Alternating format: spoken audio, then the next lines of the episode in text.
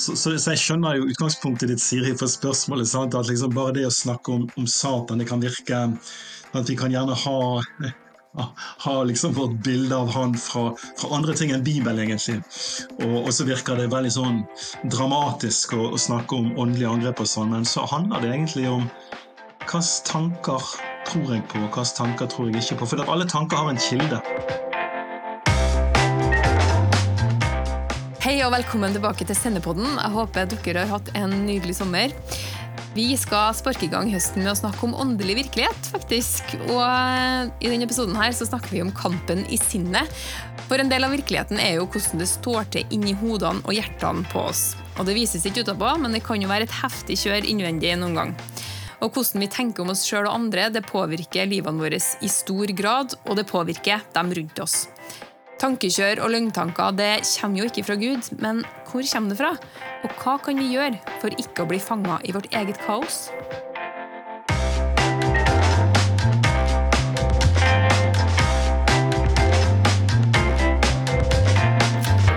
Yes, I dag har jeg med meg Per Arne Gjerde og dattera Marie Gjerde, som er henholdsvis da leder i KF i Bergen og aktiv i Kristent Fellesskap i Bergen. Velkommen til Sendepodden, dere to. Tusen takk. Tusen takk. Det er første gang jeg har med meg far og datter, så det er jo en milepæl. Yes. Ah, så kjekt. Vi kan være yes. de første, da. Så bra. ja. I denne episoden skal vi jo snakke om det som foregår inni oss, som ingen ser, men som likevel er veldig reelt indre kamper, om du vil. Og jeg vil spørre deg, Per Arne, om du kan snakke litt om hva Bibelen sier om vårt indre og den kampen vi opplever inni oss. Men først så lurer jeg på en ting, for Det å snakke høyt om sine egne indre kamper det kan jo være litt privat, men jeg spør dere likevel. Er det noe dere kan dele om hva dere kjemper med, eller eventuelt har kjempa med opp igjennom? Maria, har du lyst til å begynne? Ja, jeg kan begynne. Jeg kan bare presentere meg raskt. Um, ja. Marie Gjerde heter jeg.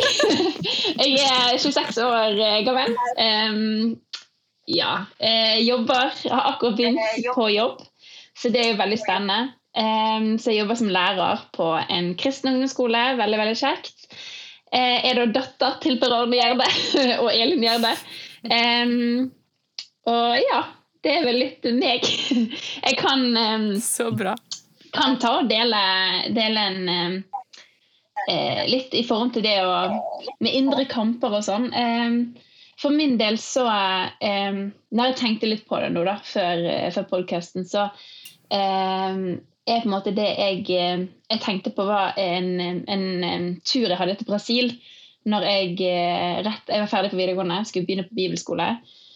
Og så var det en misjonstur med en som heter Randy Clark til Brasil. Og hvor målet var å liksom, forsyne, be for folk, og jeg tenkte at det kom til å bli skikkelig kjekt.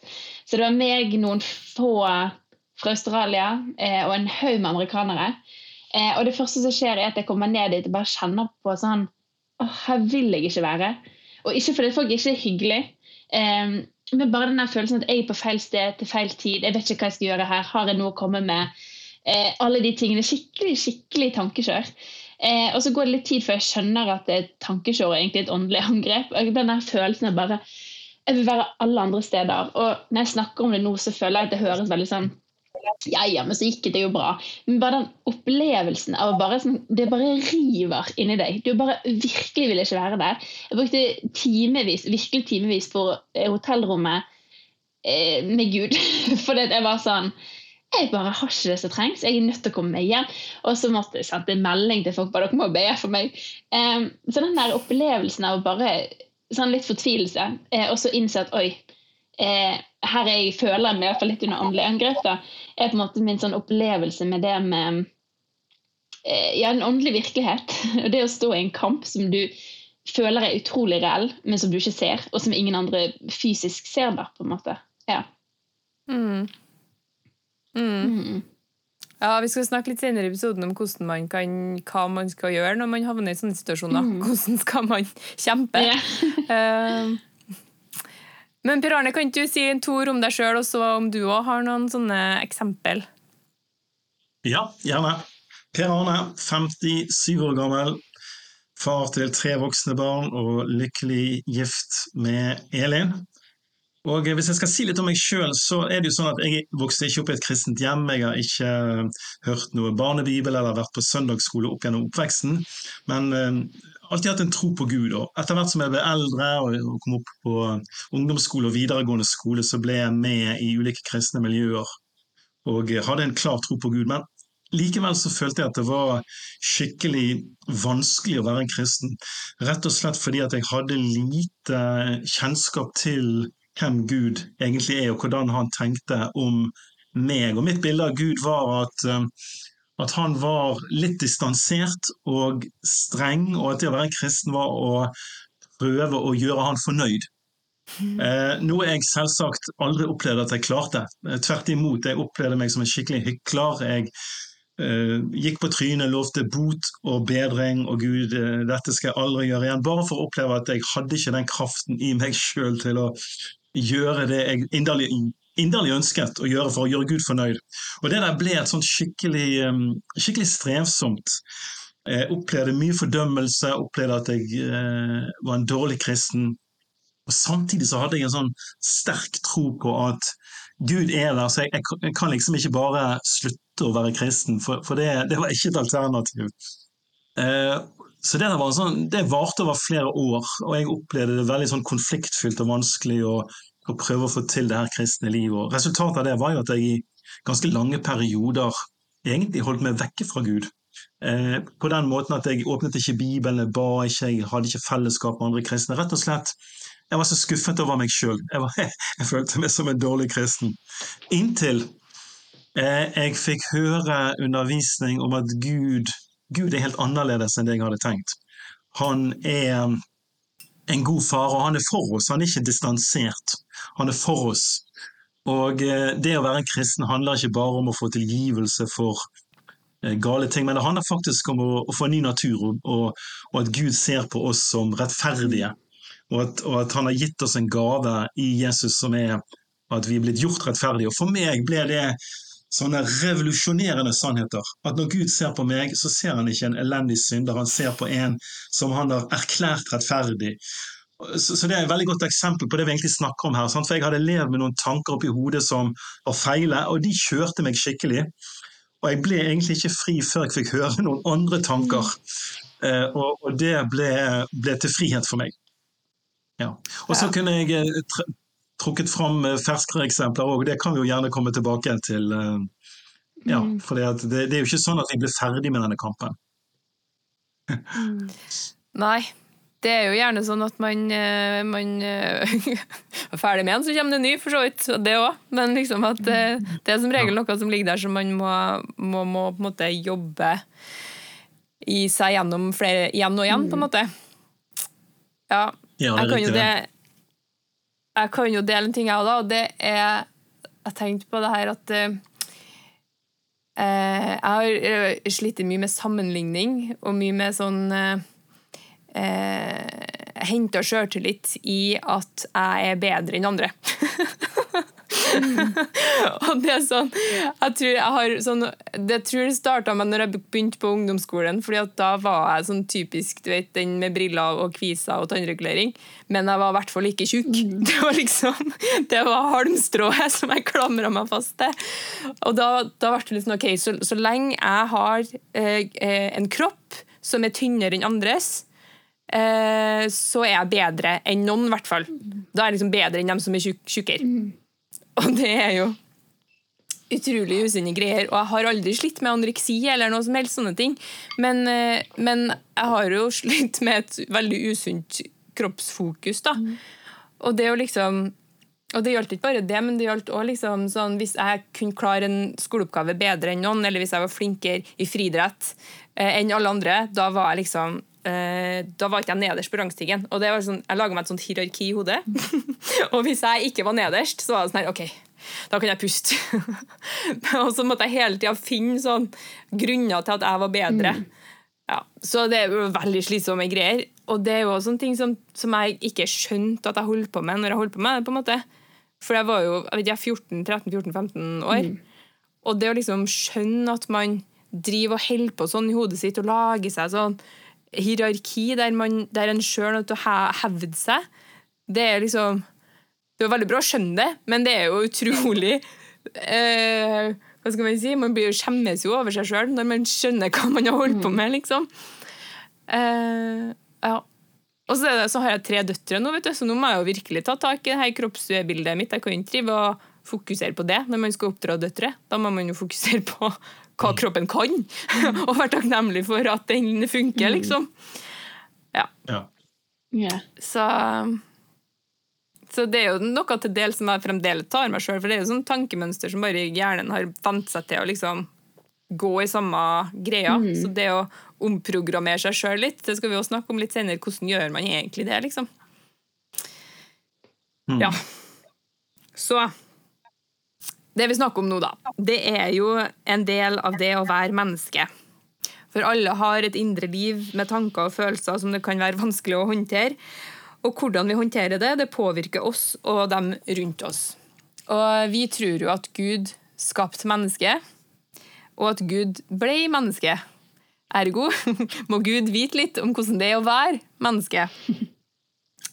Um, og så har vi Bibelen, som er Guds ord til oss, og som vi går til for å prøve å forstå oss sjøl og Gud. Så da går vi dit, da, Per Arne. Hva, hva, sier egentlig Bibelen om denne kampen og det indre livet vi har, og hvordan vi skal forholde oss til det? Ja, eh, Bibelen sier veldig mye om det. Og, og, det er jo som du sier, du sier denne kampen. Sant? Og hvis vi går litt konkret inn i hva Guds ord sier, så står det jo i Feserbrevet 6.10 at vi har ikke en kamp mot kjøtt og blod, men mot makter og åndskrefter eller myndigheter mot verdens herskere i dette mørket. Altså, vi har en kamp, sier Bibelen, som er en usynlig kamp på den måten at det er mot åndskrefter. Vi, vi, kjemper ikke mot mennesker, men det er like fullt en veldig, veldig reell kamp. Sant? Og vi er, sier Bibelen, i verden, men vi er ikke av verden. Men vi er midt i en verden som, som Bibelen sier eh, ligger i det onde. Og det vil jo si at hver dag så blir vi egentlig pepret av tusenvis av inntrykk og impulser og tanker som på en eller annen måte vil prøve å påvirke oss. Hvem vi er i forhold til andre, sånn som du, du Siri, nettopp har vært inne på. Sant? Og hvordan vi burde være. og hvem Gud er, eller at Gud ikke er. Og Det er så mange ting som bare, bare peprer oss.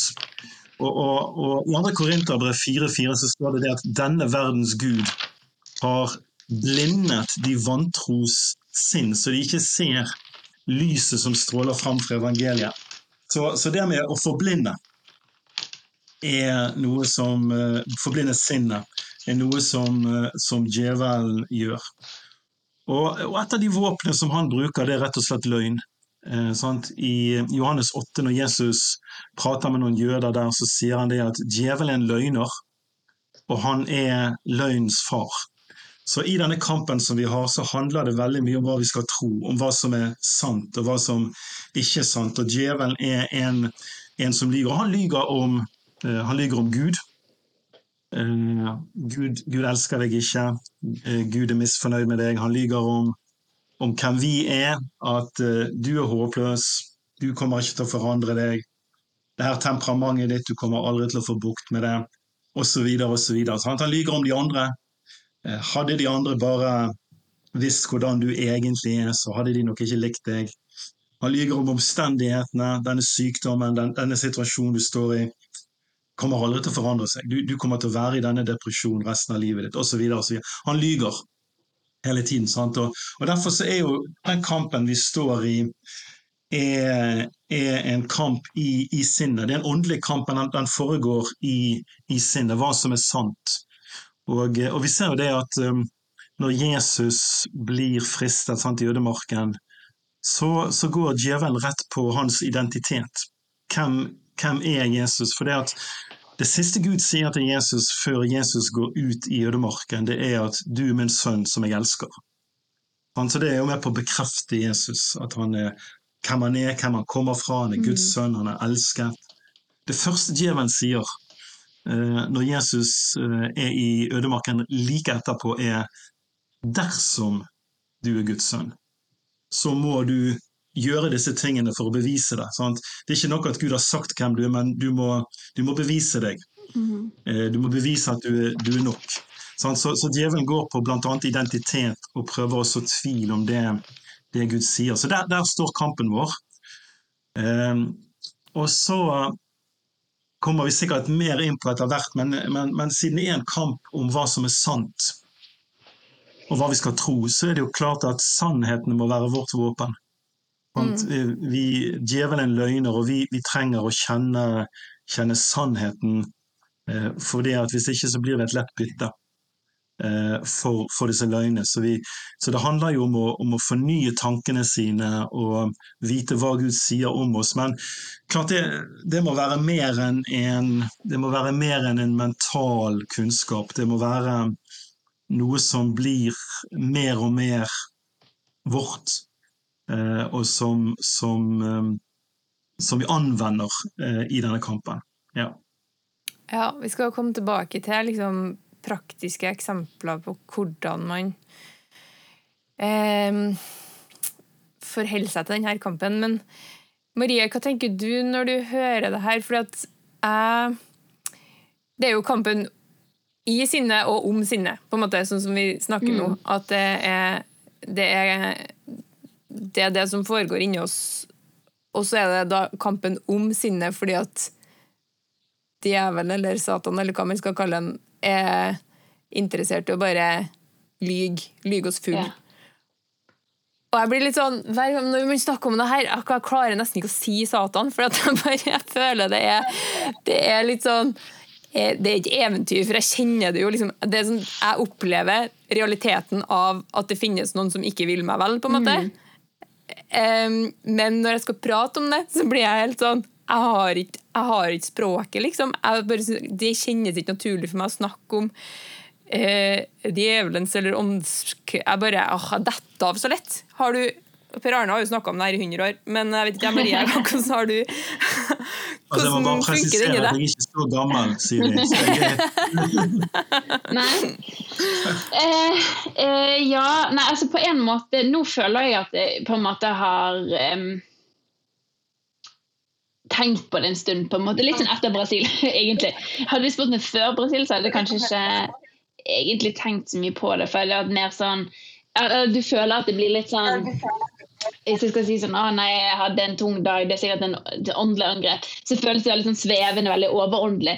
Men så er det jo samtidig sånn ok, men det er jo faktisk reelt. Litt sånn som det, det bibelverset som eh, pappa leste med, at, jeg, at, våre kamper er ikke i det synlige, men i det åndelige. Og da vil det være av og til kanskje litt vanskelig å sette fingeren konkret på det akkurat dette. På samme måte så kan det være enklere med han slo meg, derfor har jeg vondt. Han angrep meg i sinnet mitt. Det høres litt sånn svevende ut. Men, eh, men, så er det jo òg det med at, eh, at det står i Bibelen. Og da ta det ok, fordi det står, så kan jeg på en måte nesten forvente at det skjer. Og det å ta det veldig konkret ned til f.eks. løgntanker, da blir det mye enklere synes jeg, da, å angripe. Eh, sånn eh, Tenker jeg noe som ikke er eh, aligned med Guds ord, noe som ikke er i tråd med Guds ord, ok, da er det, da er det faktisk en løgn. Og vi vet at mm. Bibelen kaller djevelen løgner. Så da kan jeg anta at det er djevelen som ønsker å angripe meg med løgn. på en måte. Eh, og så da på en måte mm. forskjell på, på at du, noe, eller du av og til tenker noe som kanskje ikke er rett, og det at du har kommet inn i et spor som gjør at du tenker konsekvent noe som ikke er bibelsk. på en måte. Litt sånn som du, du henviser til med din egen eh, historie. at det, det, har gått så langt at du ikke vet det engang. Plutselig, det er når man kommer ut av det, innser du oi, jeg har bygd så mye på, på dette. Um, og jeg innså ikke at det var det engang. Eller jeg innså ikke at det var sånn. på en måte. Det, det tror jeg kanskje er den største utfordringen. da. Vi vet vi hvordan vi tenker, eller vi er klar over at det vi tenker, er en løgn. på en måte. Ja. Mm. Um, men ja, så på en måte så skjønner jeg at jeg på en måte kan oppleves svevende, og samtidig med tanke på sånn Når vi snakker om løgntanker, så føler jeg det blir veldig mye mer konkret. Og det er da innsatt ok, men løgntanker er ikke jeg hovedansvarlig for. på en måte, Men jeg kan anta at det er noen som ønsker at jeg skal ha disse løgntankene. Så vi gjør det mm. enkelt for meg å tenke det, og kanskje bekrefte det gjennom andre ting jeg opplever. eh, så leter du nesten etter bekreftelse på, på ting du tenker som ikke er rett, på en måte. Um, ja. Skjønte ikke helt hva du mente. Eh, nei, for eksempel hvis du tenker eh, at 'å, jeg er ikke god på jobben min', eh, så kan det være ganske enkelt å finne eller, um, bevis på det, på en måte. Ja, sånn, ja. Eh, mens Mm. hvis, eh, hvis du tenker ok, denne, hvis du tenker, nei, vet hva, jeg, jeg har det som trengs, så kan du oppleve en situasjon hvor du kanskje ikke tok rett avgjørelse, men det vil ikke bli en bekreftelse på at ja, det var som du tenkte, du er ikke egentlig god nok til denne her jobben, eller du har ikke egentlig det som trengs. Men fordi at det du har i bunn, det du bygger på, kommer fra to ulike steder, så vil du angripe eller se en situasjon veldig ulikt, da, på en måte. Ja. Ja. Jeg syns det er interessant òg at um, i verset rett før der der hvor det står at vi, uh, vi har ikke en kamp mot kjøtt og blod, men mot makt og myndigheter, så står det at vi skal eh, stå oss imot djevelens listige knep. En annen plass har snakket om djevelens snarer. En, en snare er jo noe du bruker sant, i utgangspunktet for å fange dyr, eller som du ser på en Indiana Jones-film, hvor de er på vei inn i hulen der skatten ligger, og så er det ulike feller. Sant? Det kan være for eksempel, Plutselig så er det noen som henger opp ned etter et rep rundt foten. Og det er klart, Da har de gått i en snare, sant? og den var jo i utgangspunktet ikke lagt sånn åpenlyst så alle kunne se. Den var skjult. Eh, sant? Djevelens angrep, sier Bibelen, listig. Sant? Og det går jo rett og slett på at så Djevelen presenterer seg jo ikke som en rød fyr med horn og, og hale og høygaffel. Mm. Eh, Og han kommer jo ikke og brøler og sier at 'jeg er djevelen, og nå skal jeg ta deg'. Han, han er listig, og, og ønsker jo på mange måter at vi ikke skal skjønne at det er han som kommer. Sånn at f.eks. når vi har en kamp i sinnet, så er det jo ikke alltid at vi opplever at disse tankene kommer utenfra som en fremmed Mm. stemme med, med mørk og ond røst. Eh, da, da hadde liksom varsellampene blinket, og vi hadde skjønt at aha, her skal jeg være på vakt. Men veldig ofte så er det jo sånn at han prøver å gjøre sine løgner til våre tanker og våre følelser. Vi Mm. internaliserer det, sant? og det kan være selvanklage og, og ja, ulike ting. Eh, som, vi, som vi tenker kommer fra oss, men som har en kilde. Eh, og, som er fra han. Mm. Sånn, så, så, så, så, så jeg skjønner jo utgangspunktet ditt, Siri, for spørsmålet. Sant? At liksom bare det å snakke om, om Satan, det kan virke at vi kan gjerne ha, ha liksom vårt bilde av han fra, fra andre ting enn Bibelen, egentlig. Og, og så Mm. virker det veldig sånn dramatisk å, å snakke om åndelige angrep og sånn, men så handler det egentlig om hvilke tanker tror jeg på, og hvilke tanker tror jeg ikke på. For at alle tanker Mm. har en kilde. De- De kommer Ja. fra en plass. Uh, ja. Men da er det interessant å spørre, for dem som ikke tror, da, har jo en annen forklaring på det her. Mm. Mm. Hvilken forklar ja. forklaring har de? Ja, nei jeg... Ja, nei, jeg, jeg. Vi begynner på samme måte, i hvert fall. Ja, nei. Men eh, jeg tenker jo at, eh, at alle Altså, sånn som det står i Bibelen, Jesus er sannhet. Eh, sånn at alle tanker som ikke vil være eh, enig med det Bibelen sier, ordet som er Jesus òg, eh, vil jo være løgntanker. Eh, sånn at om du er kristen eller ikke, så kan du bli utsatt for løgntanker. Det er bare at du kan være i Gud og vite at oi, jeg kjemper med dette her, og være klar over den kampen. Ellers er du ikke klar over kampen, eh, og målet er å bare holde deg vekk fra Gud. Eh, men, men jeg tenker at man kan jo forklare det med veldig mye forskjellig. Og så tror jeg, Det er jo ikke sånn at eh, depresjon finnes ikke fordi at det er bare løgn. Altså, det er ikke det, men, men at det kan være lett å Oi, jeg må finne en forklaring på det. Eh, og så, det, så føler du kanskje at du aldri kommer til bunns i hvorfor har jeg det sånn fordi at du blir løyet til. Og så tror du at du Nei, men om jeg bare tenker, prøver godt nok og tenker at jeg er god nok, så kanskje kommer jeg meg ut av dette her. Eh, Men så handler det om at det er, kanskje, det er kanskje ikke så lett å komme seg ut av en tanke om at du ikke er god nok hvis du ikke vet at jeg har en gud som er over meg, og som står over mine tanker, som sier at jeg er verdifull. Da har du en sannhet som kommer inn og setter deg fri. sant? Så jeg tenker at for folk som ikke har sannhet, så vil det være veldig vanskelig å avsløre løgn. Eh, For du har ikke noe å sette det opp mot, på en måte. Ja. Det jo godt sagt, Marie. Da, pappa, er det din tur. Jeg bare tenker på et eksempel i Bibelen som viser at veldig sånn tilsynelatende menneskelige tanker har en kilde. Sånn, det er når, når, eh, når Peter har hatt denne åpenbaringen av at Jesus er Messias, den levende Guds sønn, og han får skryt fra Jesus, og han sier dette er en åpenbaring som far har gitt deg. og Peter eh, flyter sikkert litt høyt oppe. Han har fått skryt i påhør av alle de andre disiplene, og han, han er i vinden. sant? Og, og, så like etterpå så sier Jesus at han må gå til kors for lide og dø. Og da, da tar Peter han til side og irettesetter ham og sier nei, Jesus, dette må ikke hende deg. og da, da, snur det fra skryt til irettesettelse, for da, da sier Jesus at vik bak meg, Satan, du har ikke sans for det som hører Gud til, bare for det som hører mennesker til. Så det, det, var, jo, det var, jo, menneskelig omsorg, eh, egentlig, i det Peter sa. Han, han, ønsket ikke døden for sin beste venn og herre. Eh, men det var bare det at det, det var noe som eh, kunne bli en snublestein for Jesus.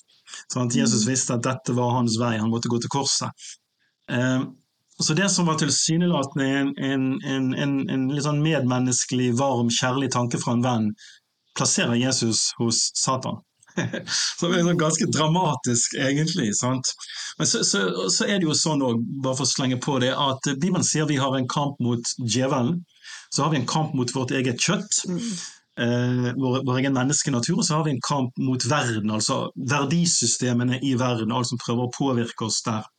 Men, men disse, disse, tingene, kjøttet vårt og verden og, og, verdien i verden, er jo ikke isolert fra djevelen. Djevelen spiller på de to andre. Han står bak de to andre.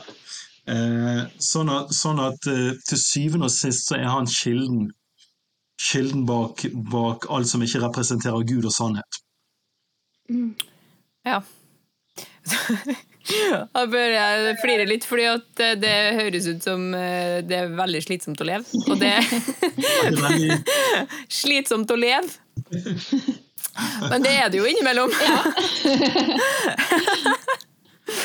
um, men jeg tenker bare det å være på en måte klar over, sånn som du sier Maria, da, å være klar over eh, klar over det, at det er en, det er en kamp, og, eh, og, vite hva som er sant, og sette det, du, det, som kommer inn i hodet ditt, opp mot det som er sant. Mm. Da har jo vi en, en måte å vurdere og eh, skjelne på mm. som er veldig, veldig verdifull og veldig til hjelp. da. Og så må vi jo ikke glemme at Gud er sterkest oppi alt der. og har gitt oss Den hellige ånd til å liksom stå, stå i det.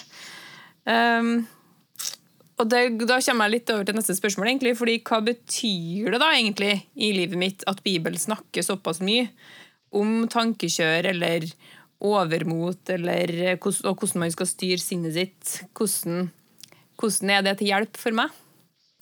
Mm. Per Arne, har du lyst til å begynne?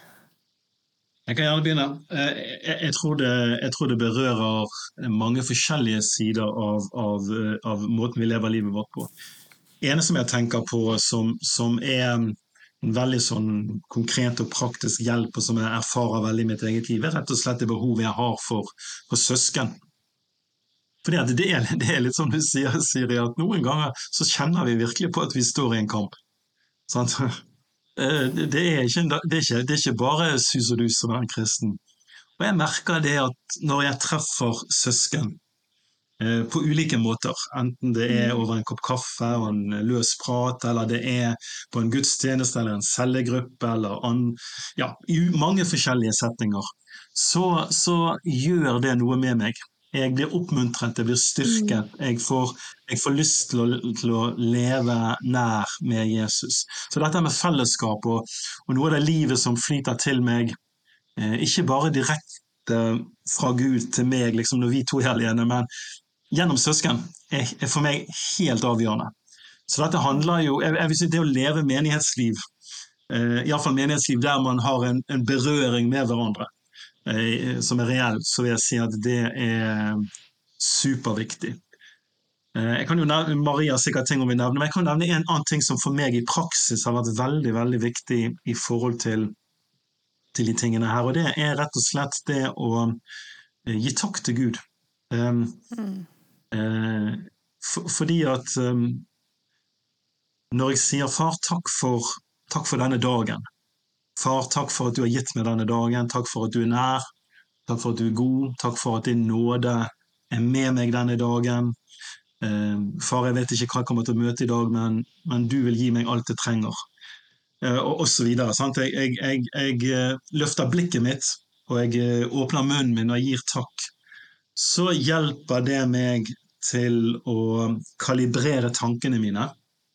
Um, og, og, og jeg, i det jeg gir takk til Gud Jeg, jeg gjør det jo ikke for å minne meg sjøl på det, jeg gjør, gjør, det for å gi takk.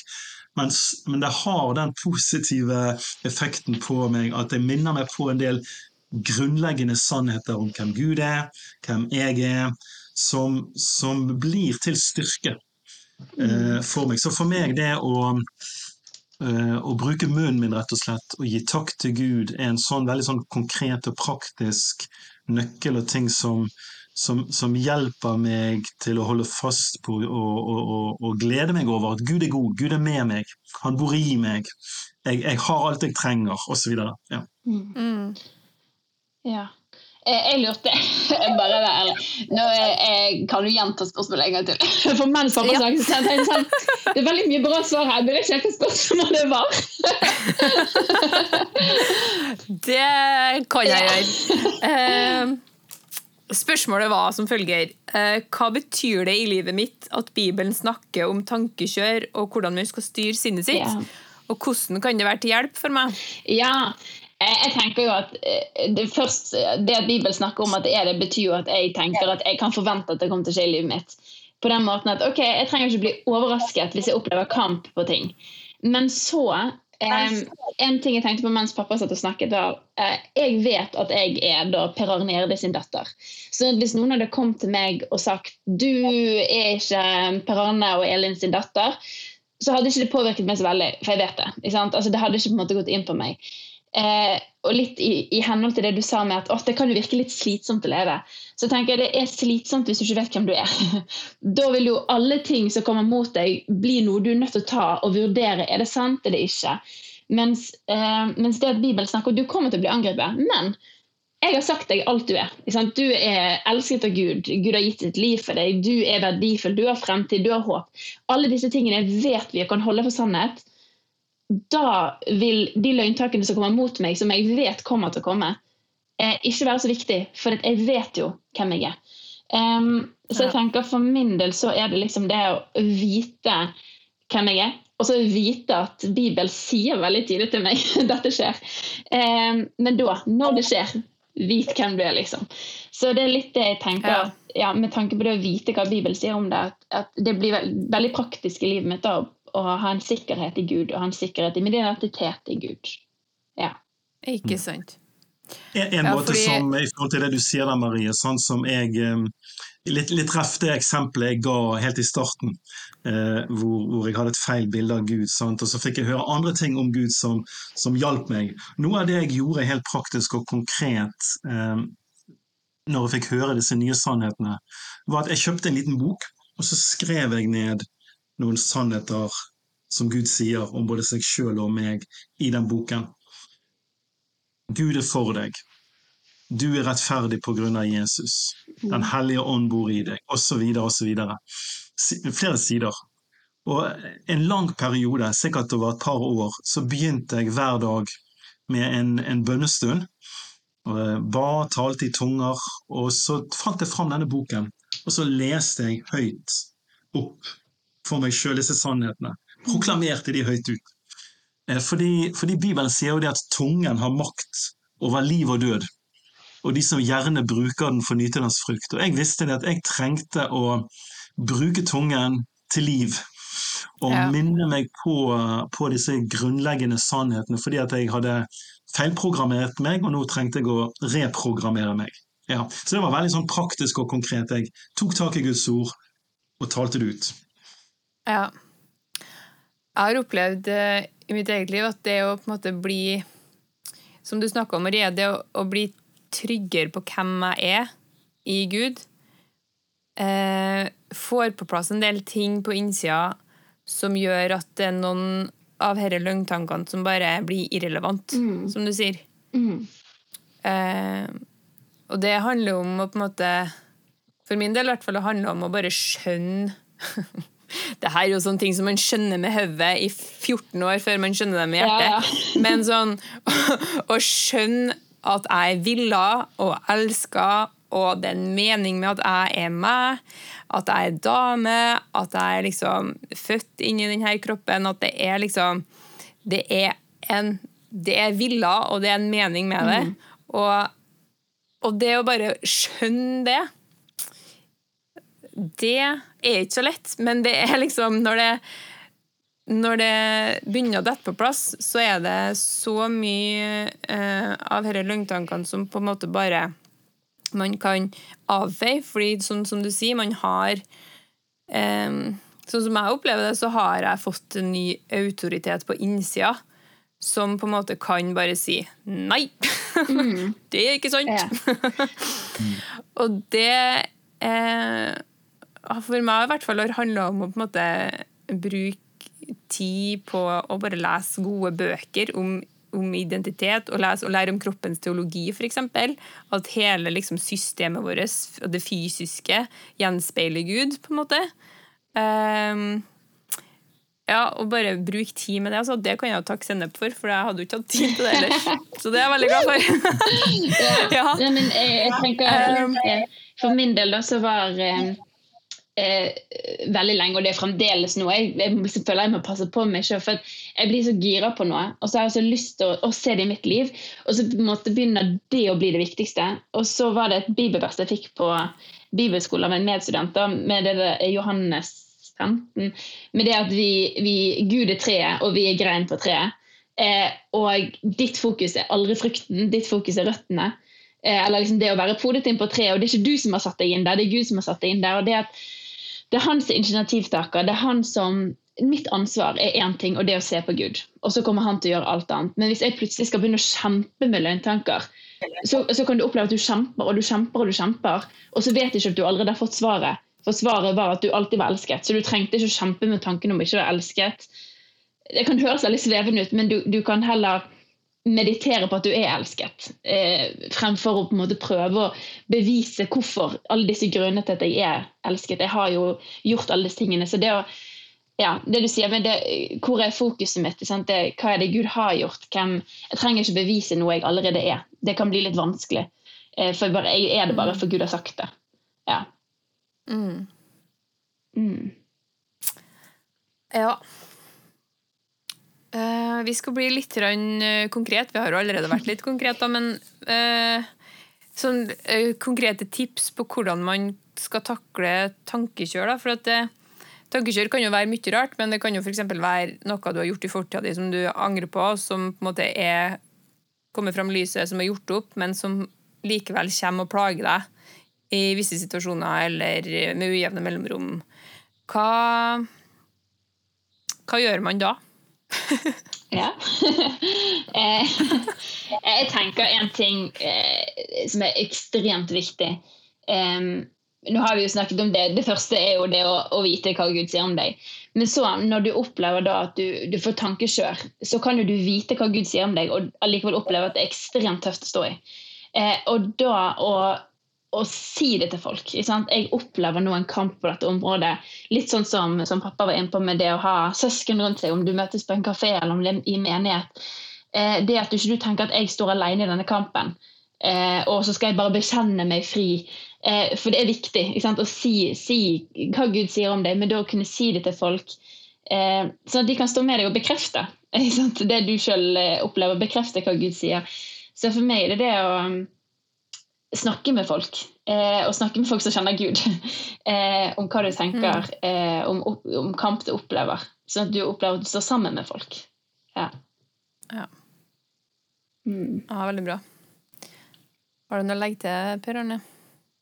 Jeg tenkte akkurat på det samme som Marie. Jeg, jeg tror at det er helt, avgjørende. Noen ganger når du står i en sånn kamp som det, sant? og det er ting som kommer tilbake når det plager og du blir ikke fri der, så er det noe med å høre at noen andre sier det du vet er rett, men det er noen andre som du har tillit til, som, som stadfester og sier det. det. Jeg tror det, det har en enorm eh, hjelp eh, i seg. Eh, og, så, er det jo Den andre siden er jo det at det vi står i en kamp, og det er ikke alltid en quick fix.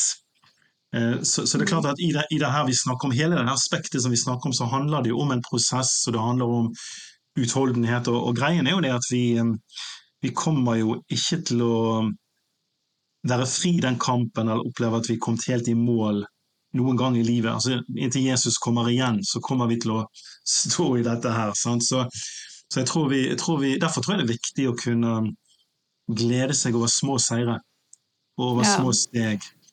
Eh, og, og, heller fokusere på den, om enn lille framgangen som har vært, enn på alt som gjenstår. Ja. Og så tror jeg det var viktig å, å ha litt sånn omtanke for seg sjøl og omsorg for seg sjøl. Mm. Det er noe som jeg har begynt å innse at jeg faktisk ikke har hatt. jeg har hatt veldig raus mot alle andre, men mot meg sjøl har jeg vært så sinnssykt hard.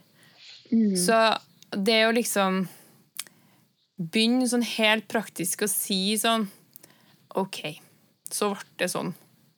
Men det går bra, Siri. Mm. det er liksom, Jeg er bare et menneske, liksom. Det er, det er Noen ganger så, så får ikke jeg det til. Og det er greit. Mm. jeg er ikke perfekt, liksom. Det, man har jo har høye forventninger til seg sjøl om at liksom, jeg skal være så bra kone, jeg skal være så bra mor, jeg skal liksom klare alt. Og så går jo ikke det. Mm. ja. Og så det å bare på en måte eh, gi seg sjøl en sånn mental klem da, yeah. når eh, man har gått litt på trynet. mm. Ja, men jeg, jeg, tror det er, er kjempeviktig. Jeg, kjenner meg igjen det, det er veldig lett å på en måte oppmuntre alle rundt deg og komme på uh, riktige og viktige ting å si. eh, og så når du står i det sjøl, så har du så uh, Og det er kanskje positivt, du har så lyst. Det er så mange ting du har lyst til, så merker du at oi, jeg strekker ikke til der jeg sjøl skulle sett meg. Jeg skulle gjerne sett meg sjøl eh, som perfekt, men det er jeg veldig klar over at jeg ikke er. Eh, en, en, et bibelvers som var veldig viktig for meg i forhold til det, har jo vært eh, eh, at, at, Gud er trofast når vi er troløse. Fordi noen ganger du, på en måte, ja. du kommer så sykt til enden av deg sjøl. Du ser sånn Å, jeg har sagt dette tusen ganger. Og så, mm. um, og så blir du så skuffet over deg sjøl, og, og, så kan den skuffelsen bli en sånn ja, løgntanke der. At Gud må være skuffet ja, ja. over meg. Nå har jeg, Nå, Gud må være skuffet over meg. Men, men, det å vite at ah, Gud, du, du kjenner meg bedre enn jeg kjenner meg sjøl. Du visste, sant? og du, du, er trofast. Du står fast. Mm. Mm, og det å ja, feire små fremskritt og vite at Gud heier på meg, og ikke vil at jeg skal gå i mm. selvfordømmelse, men, men, uh, men det, at han òg ser til hjertet uh, og ønsket om å leve for Gud. Da. Ja. Mm. Så nei. Ja. Jeg tror det er viktig. ja. Hva med sånne, eh, sånn usunne tankemønstre som jeg var inne på i starten her, der jeg bare hadde, hadde sausa meg inn i en, noe som ikke var bra. Det ene er jo liksom å bli klar over at man har det. Og det andre er hva gjør man med det når man er blitt klar over at man har det. Mm. på en måte. Hvordan kan man bli klar over usunne tankemønster? Det er ikke alltid man er bevisst helt hva man tenker, vet du. Mm. Nei. Jeg, jeg, tror jo, jeg tror det var du Siri, som nevnte her tidligere, at vi er jo avhengig av Den hellige ånd. Sånn, I alle de tingene vi snakker om her, så er det jo eh, ikke en teknikk eller noen punkter som vi følger, eller en oppskrift eller sånn. Det er en, det er en vandring med Herren. Og, så det er, jo, det er jo den her avhengigheten av Den hellige ånd. Um, og, og Den hellige ånd hjelper oss jo heldigvis ikke bare liksom når vi er i lønnkammer eller leser i Bibelen, men han, han, hjelper oss på mange forskjellige måter. Sant? Eh, det kan være noe som noen sier, eller en bok vi leser, som du nevnte, eller det kan være en prat over en kopp kaffe med søsken osv. Eh, så jeg vet, noen, jeg vet ikke om det er noe enkelt svar på hvordan, annet enn at i en prosess så skjer det i denne vandringen med Jesus, som inkluderer søsken. Mm. Eh, og som inkluderer mange forskjellige ting. Og så, og så, tror jeg at i det så må vi bare være eh, Sånn som du sier, nådig med oss sjøl, i den forstand at vi skjønner at det er en prosess. Det tar tid. Mm. Og eh, eh, på den ene side så oppmuntrer Bibelen oss til å ta vår helliggjørelse eh, kjempeseriøst. Og på den annen side så sier Bibelen òg at vi kommer ikke til å bli fullkomne før Jesus kommer igjen, som, som gjør at Gud vet det. Eh, så han, han, har veldig, han, har, han, har veldig, reelle forventninger til oss, holdt jeg på å si. Mm. Altså det, det, det, å kunne leve med ufullkomne seg selv, eh, og mm. finne en fred i det, uten at det blir noen slags hvilepute i forhold til, til ting, men, men likevel jeg, jeg, tror det er mulig å leve der. Eh, men, men, men, vi kan bli an, veldig sånn angrepet på det. Vi, vi noen ganger vår, vår, vår, egen strengeste dommer. Ja. Og så er det det som er interessant. Vi er, vi er, ja, ofte vår strengeste dommer sjøl. Og så innser ikke vi at i å være en streng dommer for oss sjøl, eh, så slipper ikke vi Gud til, på en måte. Eller sånn, Du tenker at jeg skal ære Gud, så jeg skal så streng meg sjøl sånn at det blir perfekt. Og så er det i seg sjøl å ikke ære Gud på en måte. At det blir en sånn twist. Jeg husker, For min del så er ofte ting blitt litt sånn åpenbar for meg gjennom taler, egentlig. At jeg har hørt ting, og så har jeg sånn ah, Det var meg. Det er meg jeg snakker om. Det var en På bibelskolen så um, var vi på sånn fellessamling, og så var det en som sa sånn i forhold til det å be. Da, at, at djevelen kommer til deg og sier å, ber du bare fem minutter, så begynner du å be ti. Å, ber du bare ti minutter, og så å nei, jeg må, jeg må be en halvtime. Å, ber du bare en halvtime, ok, jeg skal be i to timer. Og så kommer han til deg og sier han, å ja, så du bryr deg om hvor mye du ber? Altså, du kan ikke vinne den kampen. Du, bare, du blir lurt inn i sånn 'jeg skal bli bedre', og så innser du at jeg skal, jeg skal leve med Gud. Jeg skal, ikke, skal, ikke, bevise at jeg har fortjent dette. Eh, så nå nylig så hørte jeg Jeg begynte å lese en bok, 'Det normale kristne liv'. Eh, der eh, snakker han om at det, Gud sier at han skal fullføre det gode verket som han har startet i oss. Eh, og at i mm. absolutt alle ting. Sant? Det med å fornye sinnet så det er Gud som fornyer mm. sinnet. Det er han som fullfører verket. Det er liksom, Alt er han. Og så er jeg heldigvis med. Og så er det jo det at jeg, jeg er jo ikke passiv og jeg jobber aktivt, jeg fyller meg med sannhet. Men det er Gud som gjør det. Um, og jeg kan hvile i at når jeg føler at jeg har fokusert feil, så eh, når du da innser at du har det, så ikke gå i en sånn sorg over tiden som var, men tenk fantastisk, jeg har sett det, det betyr at Gud har jobbet i meg. Det betyr at Den hellige ånd har åpenbart for meg noe. Det var et nytt skritt. Det er ikke et skritt tilbake, det er et skritt frem. Eh, så, så det å heie på og innse at, at man er svak For jeg tenker hvis man tenker at man er perfekt, så har du ganske langt å gå. Det, det, det er ting du ikke har skjønt. Så, ja. så, det er ikke krise å innse at du ikke er perfekt, for det er det vet Gud. Nei, det er faktisk veldig bra. Ja, det er det. Jeg må si det, Marie, at eh, jeg har egentlig innsett for ganske lenge siden at du ikke er perfekt. Sjokking! men, men, jeg kan gjerne gi et, eh, et eksempel på, på dette her med hvordan, hvordan, hjelpen kan komme gjennom andre. Sant? Fordi at En av de tingene som som eh, opp igjennom har vært en, en, kamp for meg, har jo vært hele denne siden av at jeg er ikke veldig sånn sterk på den hyrdesiden. Eh, og Det er jo en ganske sånn i, i, kristen sammenheng generelt og i vår sammenheng for en leder, det å ha denne sterke relasjonelle hyrdesiden hvor du berører folk eh, på det planet, er, er jo en, en, en, ting som vi skatter og setter pris på og verdsetter. og, og det er veldig bra. Men jeg, jeg, har ikke veldig mye av det sånn, in, sånn intuitivt i meg, og, og jeg er er ikke superintrovert, men jeg er heller ikke veldig sånn at jeg må oppsøke folk og være i berøring med folk hele tiden. Og det, det der har vært en litt sånn opp gjennom mange år, en sånn opplevelse av at jeg burde vært mye bedre på det. Eh, og, og en opplevelse av at her kommer jeg til kort. Jeg ser det at folk, det har vært folk som har vært i, i berøring med meg og ønsket oppfølging, og så har begynt, men ikke klart å følge opp, osv. Og, og så har det vært en utrolig velsignelse de siste seks, syv, åtte årene spesielt å, få jobbe side om side med to hyrder, Morten og Johans, sånn, som har det der så til de grader. Eh, men som er så flink til å si at fordi vi har det, så trenger ikke du prøve å være det. Du har dine mm. sider, eh, og fokuser på det. Du kan slappe av og være deg sjøl, for vi, vi, har dette. Og sammen så, så blir det en god helhet. Sånn, så, så, så, den inputen som kommer fra søsken, eh, har vært så, veldig sånn god for meg i forhold til å slippe de tankene der. Mm. Ja.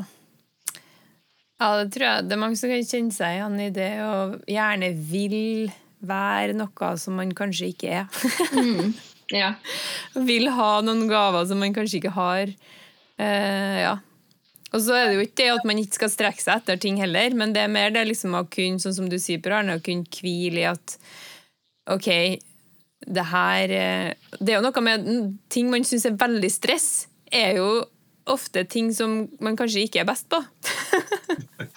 så, så det er jo kjempebra at man da finner, et, eh, finner folk å stå med som kan være det du ikke er. Det har vært kjedelig hvis det har vært tre Per Arne Gjerde som leder KF Bergen. Det er sant. Det er helt sant. Det er helt sant. Altså. Payback time. Nei da. Men en annen ting da, eh, som har hjulpet meg i liksom å bli bevisst sånne tankemønster, er faktisk Jeg har hørt på en podkast av Jordan Peterson, som jo er omdiskutert, men jeg syns han ofte har veldig mye bra å si. Eh, og han sa i en tale en gang at han, han sa Jeg oppfordrer deg til å sette deg på senga di en morgen og tenk over hva er den ene tingen som gjør livet ditt dårlig. Hva er det som plager deg hver dag? Og hva er det og, og så sa han sånn Jeg lover deg, du kommer til å komme på det på ett sekund. og så satt og så jeg bare OK, jeg skal prøve, da. Så satt jeg meg, og så bare Shit. og, så ga, og så ga han Helligånd meg en skikkelig åpenbaring om eh, noe, og det bare Det har vært så bra eh, for meg. Ja. For det Ja, så bare det å liksom åpne opp for at man ikke alltid vet hva som foregår inni hodet sitt.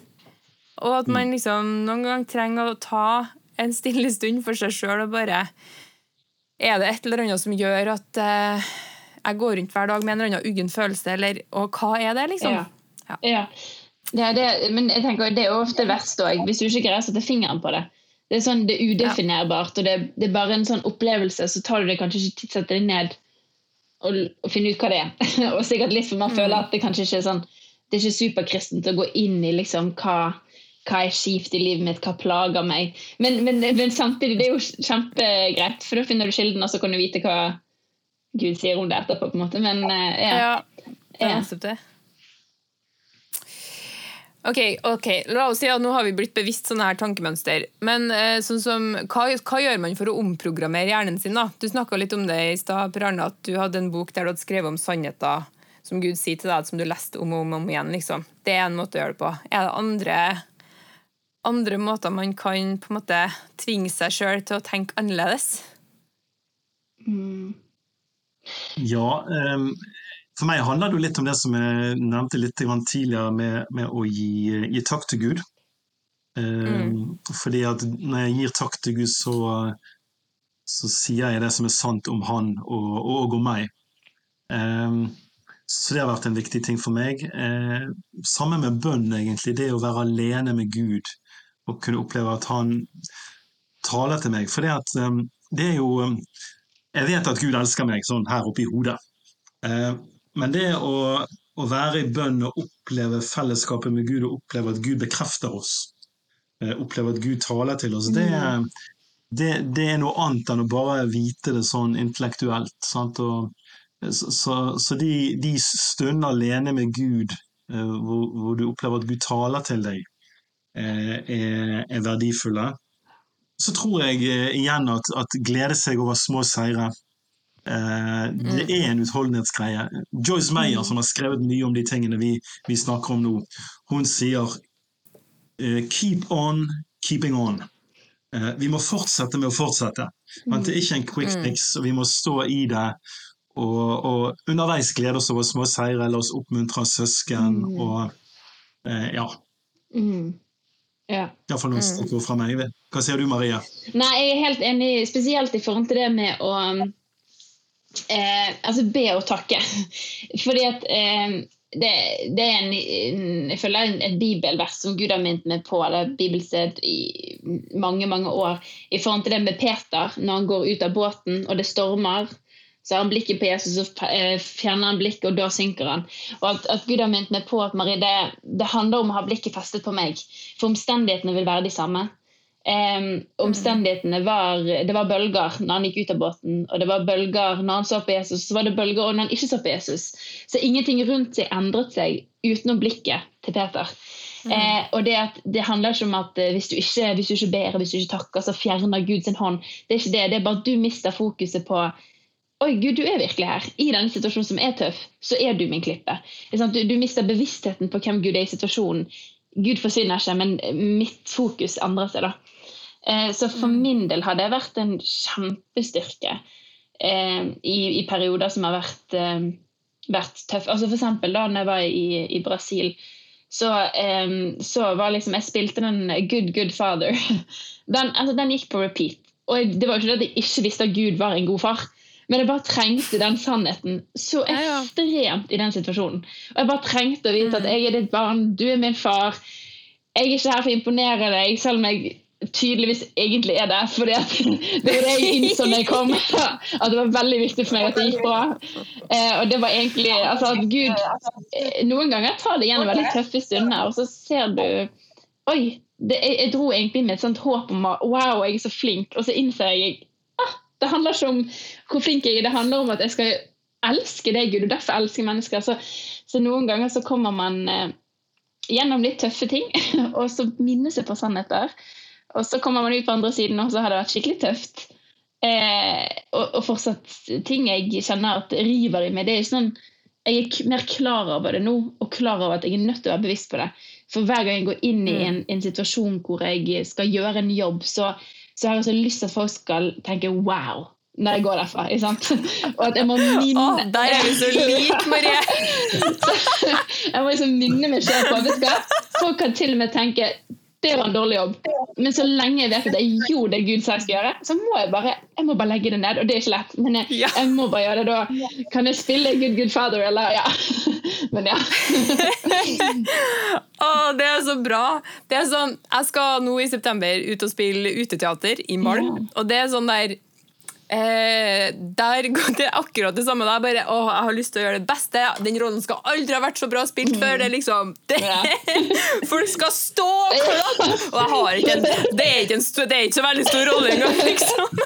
Nei, men, men, men det er liksom bare det å ta det ned til OK, jeg skal gjøre så bra jobb som jeg klarer ut ifra de forutsetningene jeg har. Og jeg skal gjøre det for Gud. Mm. Jeg skal ikke gjøre det for kritikerne eller applausen. Mm. Jeg skal liksom bruke de evnene jeg har, inn i jobben for å uh, ære Gud, yeah. for han har lagt ned i meg et eller annet som tydeligvis vil stå på scenen. Yeah.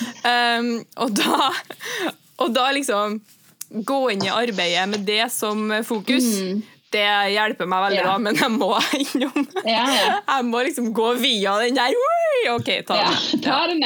Jo, men, og det er så bra, for da kan man være bevisst på det. Eh, så jeg tenker at hver gang så må jeg jobbe med akkurat det, da. Ja. Eh, men ja. I feel you. Ok, jeg tror vi avslutter der. Ja. Det har vært en skikkelig bra prat. Vi har snakka en time, folkens. Ja.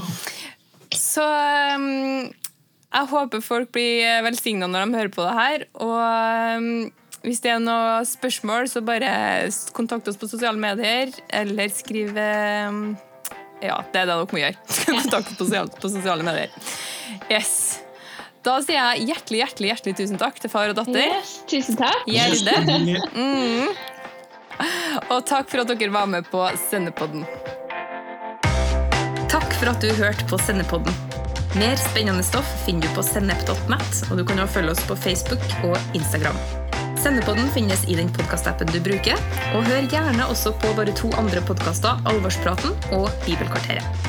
Sendepodden alt annet enn overfladisk.